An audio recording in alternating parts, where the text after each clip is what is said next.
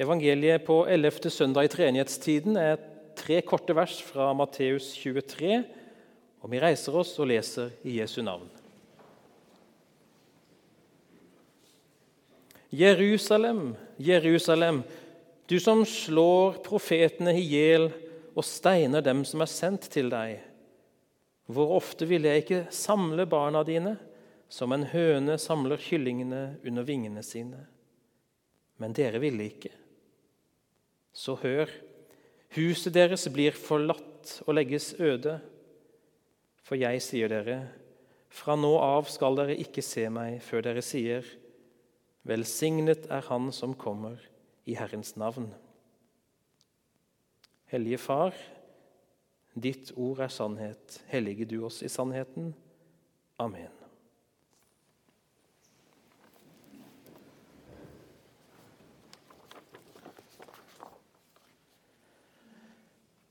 Det er tre ganske korte vers, dette. Men det er jo sånn som det ofte kan være noen ganger, at det er veldig mye innhold i veldig få ord.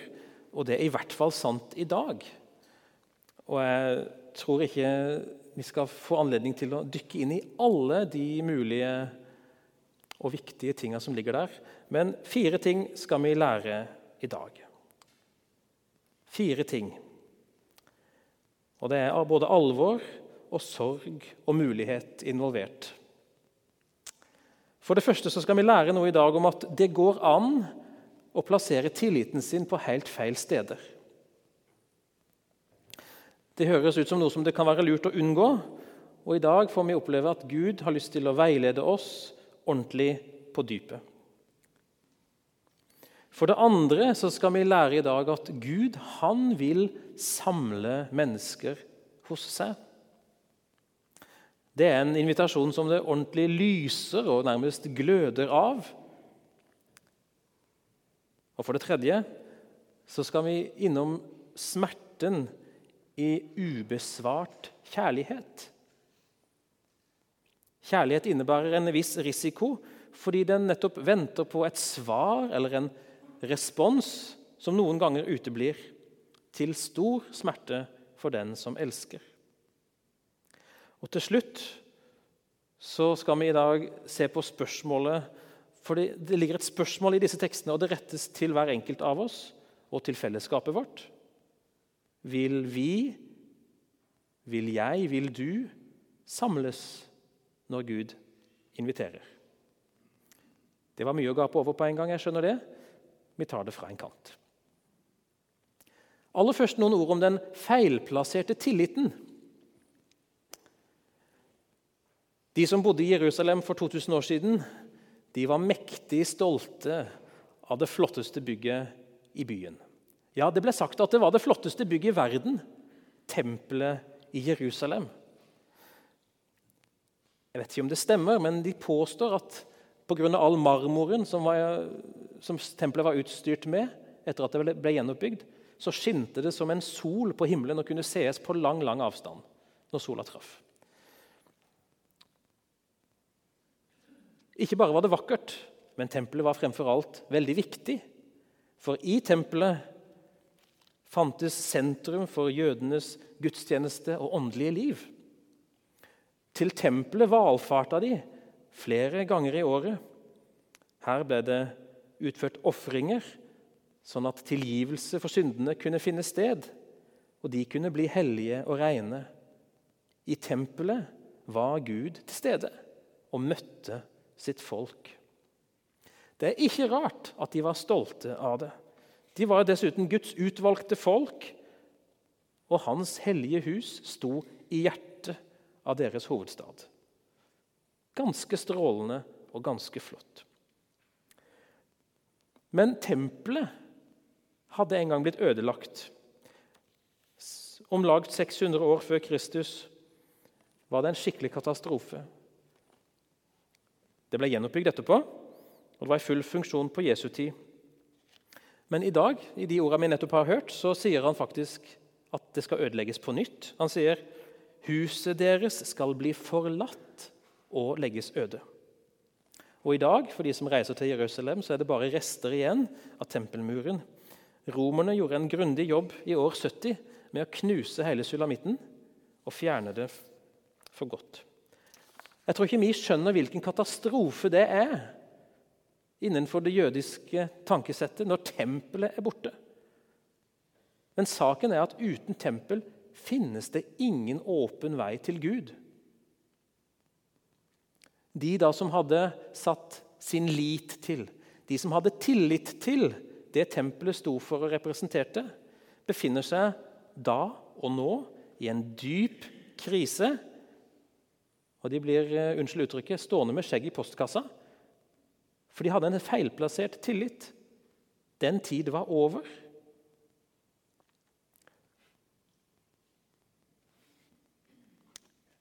De som hørte Jesus, må ha kjent både på resignasjon og rådvillhet. Denne følelsen liksom av tap og sorg. Det ble ikke noe av det, det som jeg hadde håpet på, og som jeg hadde satsa alt på, som jeg hadde tillit til. Det kan jo skje oss imellom som mennesker, og det kan skje i vårt forhold til Gud.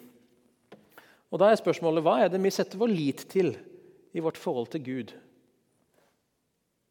Hvis vi i det hele tatt tenker tanken. Er Gud sånn en type julenisse som, gir, eh, som, er snill med de snille og gir gaver til de gode, sånn at de får lov til å være med til himmelen, og resten de må brenne? Er det sånn det er?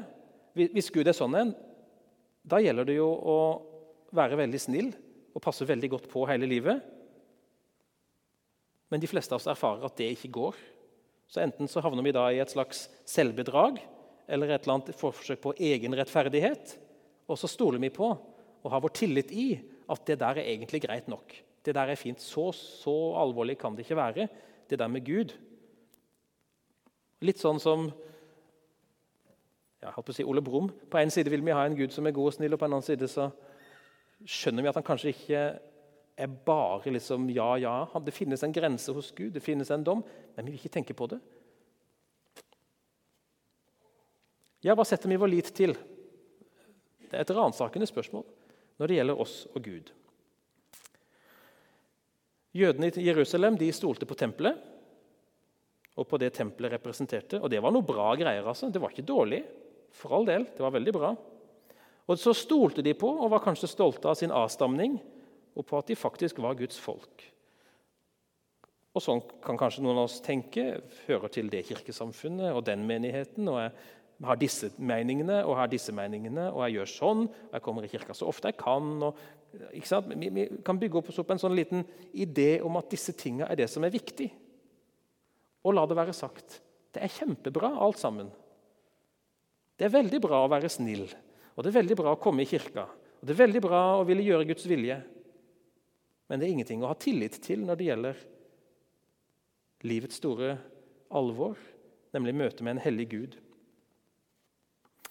Ingenting av det vi sjøl kan hoste opp eller få oss til å gjøre, kan gi ly for verken livets brutalitet eller Guds dom. Det er saken.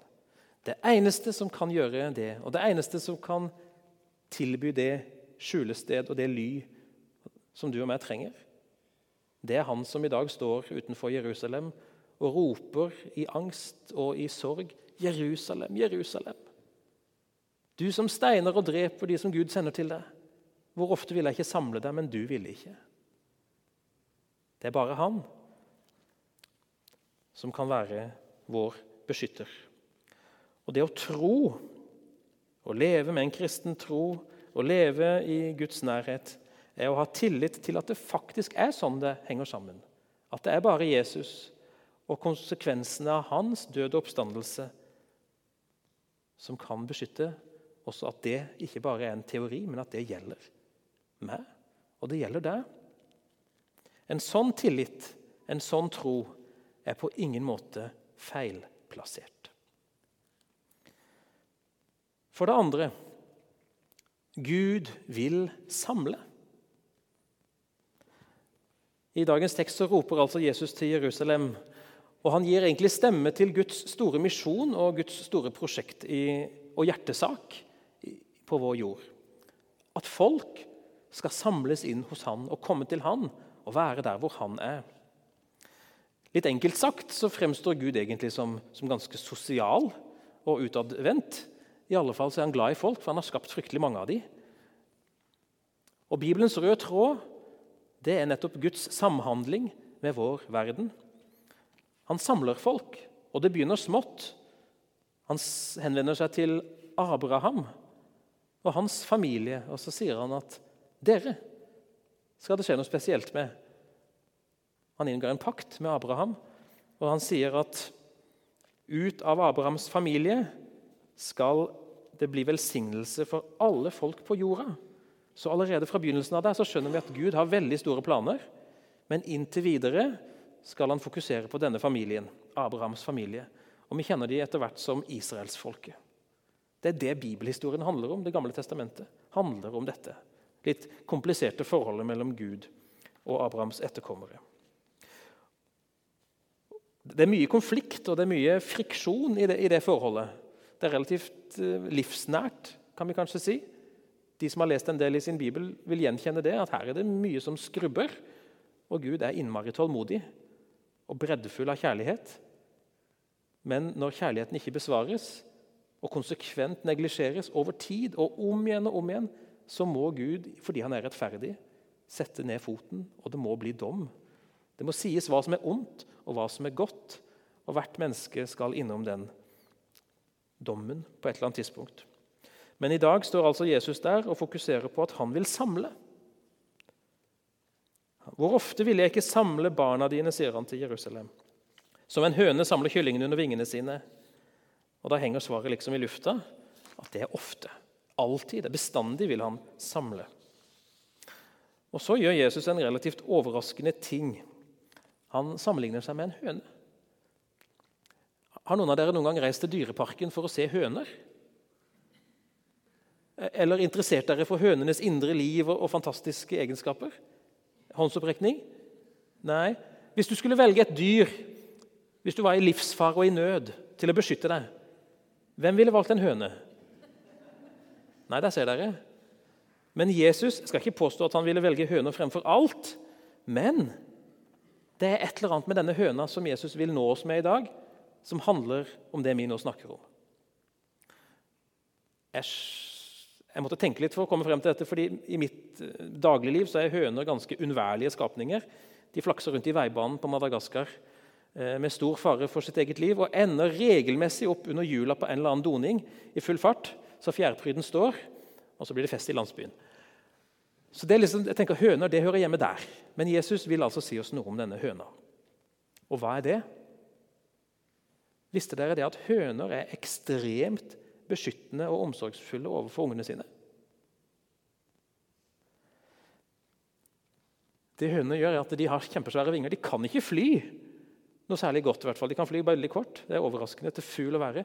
Men de kan legge sine store, beskyttende vinger over kyllingene. og så liksom holder de inntil seg, og så kan de passere over tunet uten at ravn eller ørn eller andre fugler kan gå ned og snappe opp og sluke disse små kyllingene.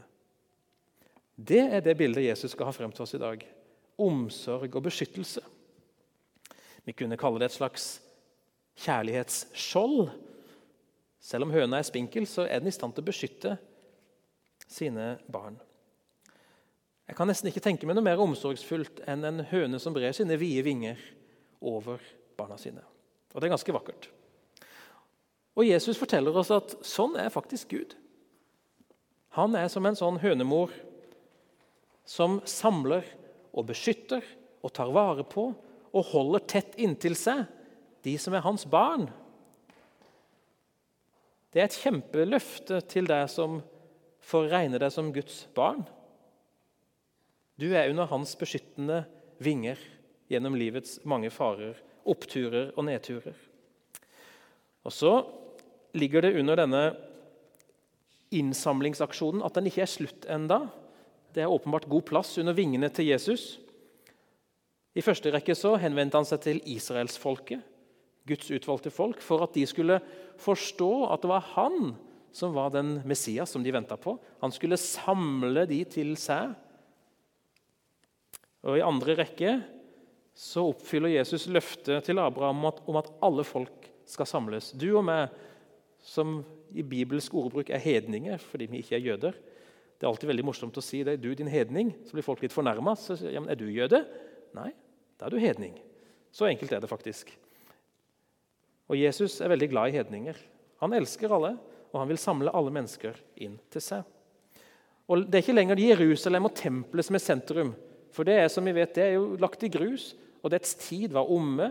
Det har oppfylt sin funksjon. Og Vi hørte lest fra Romerbrevet i stad at Jesus Kristus er lovens ende og mål.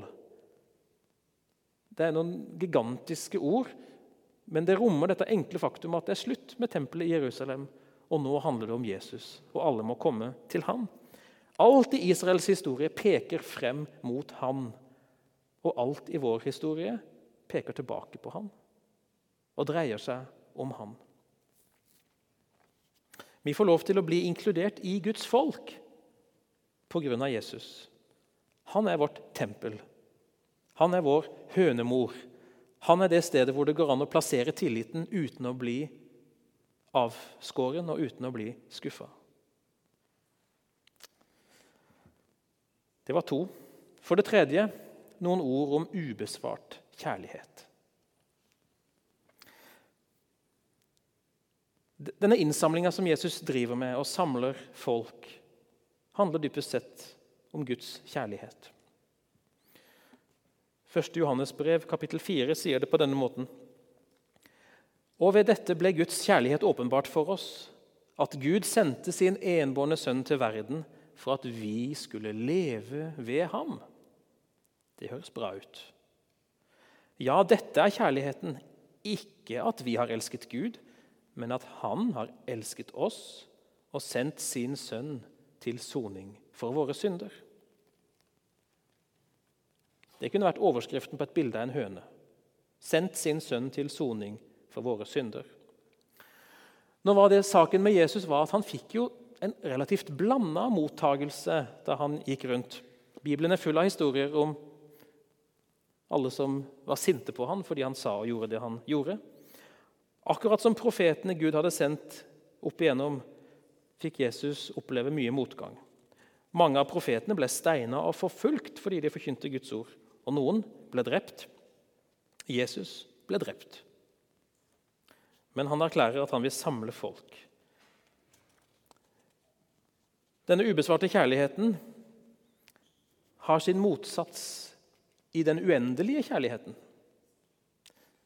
Fordi Gud er ikke sånn som en litt forsmådd elskende, sånn som vi noen ganger kan oppføre oss. Som opplever at den kjærligheten vi har å by på, ikke liksom får det svaret den skulle ha. Da blir den fort kald, og som vi trekker oss tilbake og tar avstand. Men Gud er ikke sånn. Samme hvor mye du og meg måtte svikte og si nei til hans kjærlighet, så står han der og sier på nytt og på nytt 'Jeg vil samle. Jeg vil ha deg.' Den er uendelig. Men alvoret er altså det Jesus sier. Dere ville ikke. Han sier det til Jerusalem, og han sier det til oss. Det finnes noe av det at vi ikke vil. Og det er enormt mye smerte i det. Alle vet det som har elska noen uten å få det i retur. Og Jesus må ha kjent det på samme måten der han sto, eller der han gikk. Og Vi lærer noe om kjærlighetens vesen, som altså er ganske risikofylt. Nettopp fordi kjærlighet venter på en slags bekreftelse, en respons, et svar. Og det er alltid en sjanse for at den uteblir. Det er kjærlighet fordi kjærligheten kan ikke tvinge. Gud kan ikke tvinge. Og han vil ikke tvinge noen. For tvungen kjærlighet er nettopp tvang og ikke kjærlighet. Derfor er Jesu vinger åpne utstrakt mot oss. Jesus vet om alle farene. Til og med vet vi noe om, noe om farene sjøl. Men han sier du får komme hvis du vil. Her er det plass.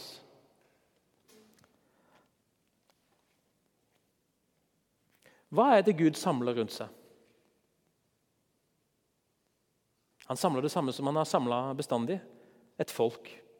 Et folk som skal representere han på jorda og som skal speile noe av hans egenskaper og, karakterer.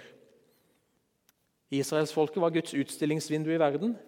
Ikke først og fremst fordi at folket var så plettfritt og perfekt, men fordi at gjennom folkets liv ble Guds egenskaper, Guds tålmodighet, Guds frelsesvilje og Guds dom synlig for all verden. Det er derfor vi fremdeles leser Bibelen. Mye av grunnen er det. Vi ser hvordan Gud er gjennom hvordan han samhandler med sitt folk. Og Dette folket som han samler, det kaller vi for menigheten. Og nå er vi her. Nå er vi samla i Guds menighet. Og Hvordan blir man samla inn egentlig i dette folket? Er det sånn man kan melde seg inn? Er det visumsøknader? Eller hvordan skjer dette egentlig? Hvis ikke du vet svaret, så skal du få det ganske snart. fordi Om en liten stund så skal Liam bli meldt inn i dette folket. Han skal bli døpt.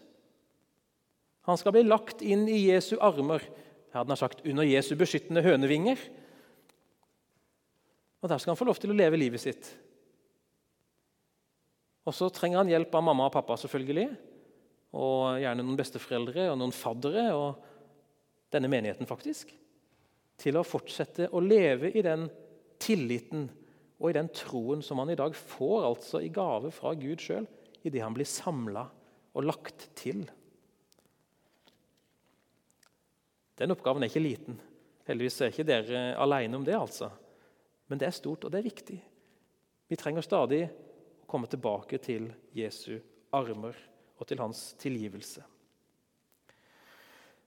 Og Det leder oss til det siste punktet. Vil vi egentlig samles når Gud inviterer? Jeg vet ikke om dere har spurt Liam om han vil bli døpt.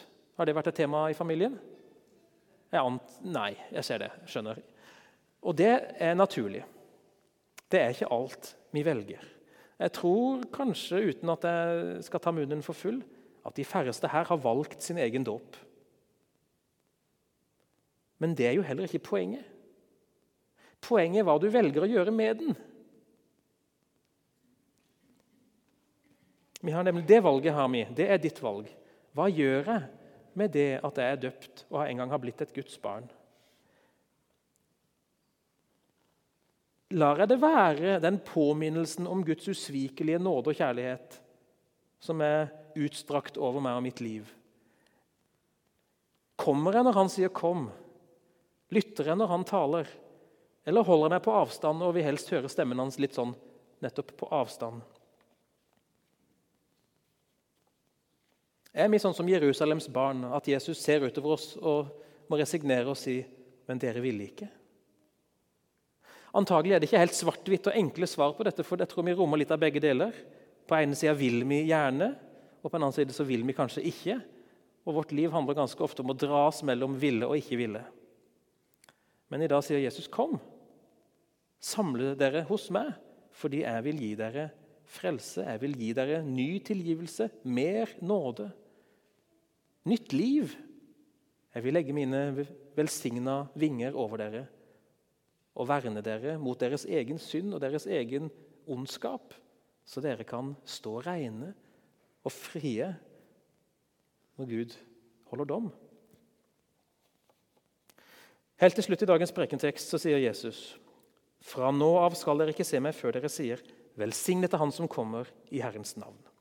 Og Det er et utsagn som, peker fremover.